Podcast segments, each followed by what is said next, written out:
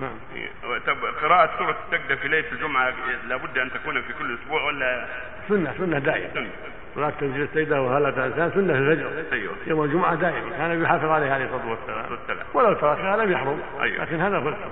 يقسمونها يا شيخ بين الركعتين. لا السنة يقرأ هذه وهذه. أيوه. القسم خلاف السنة. أيوه. بل يقرأ تنزيل في الأولى وهلا تنسان في الثانية؟ هذه أيوه. السنة اللي فعلها النبي صلى الله عليه وسلم. أيوه.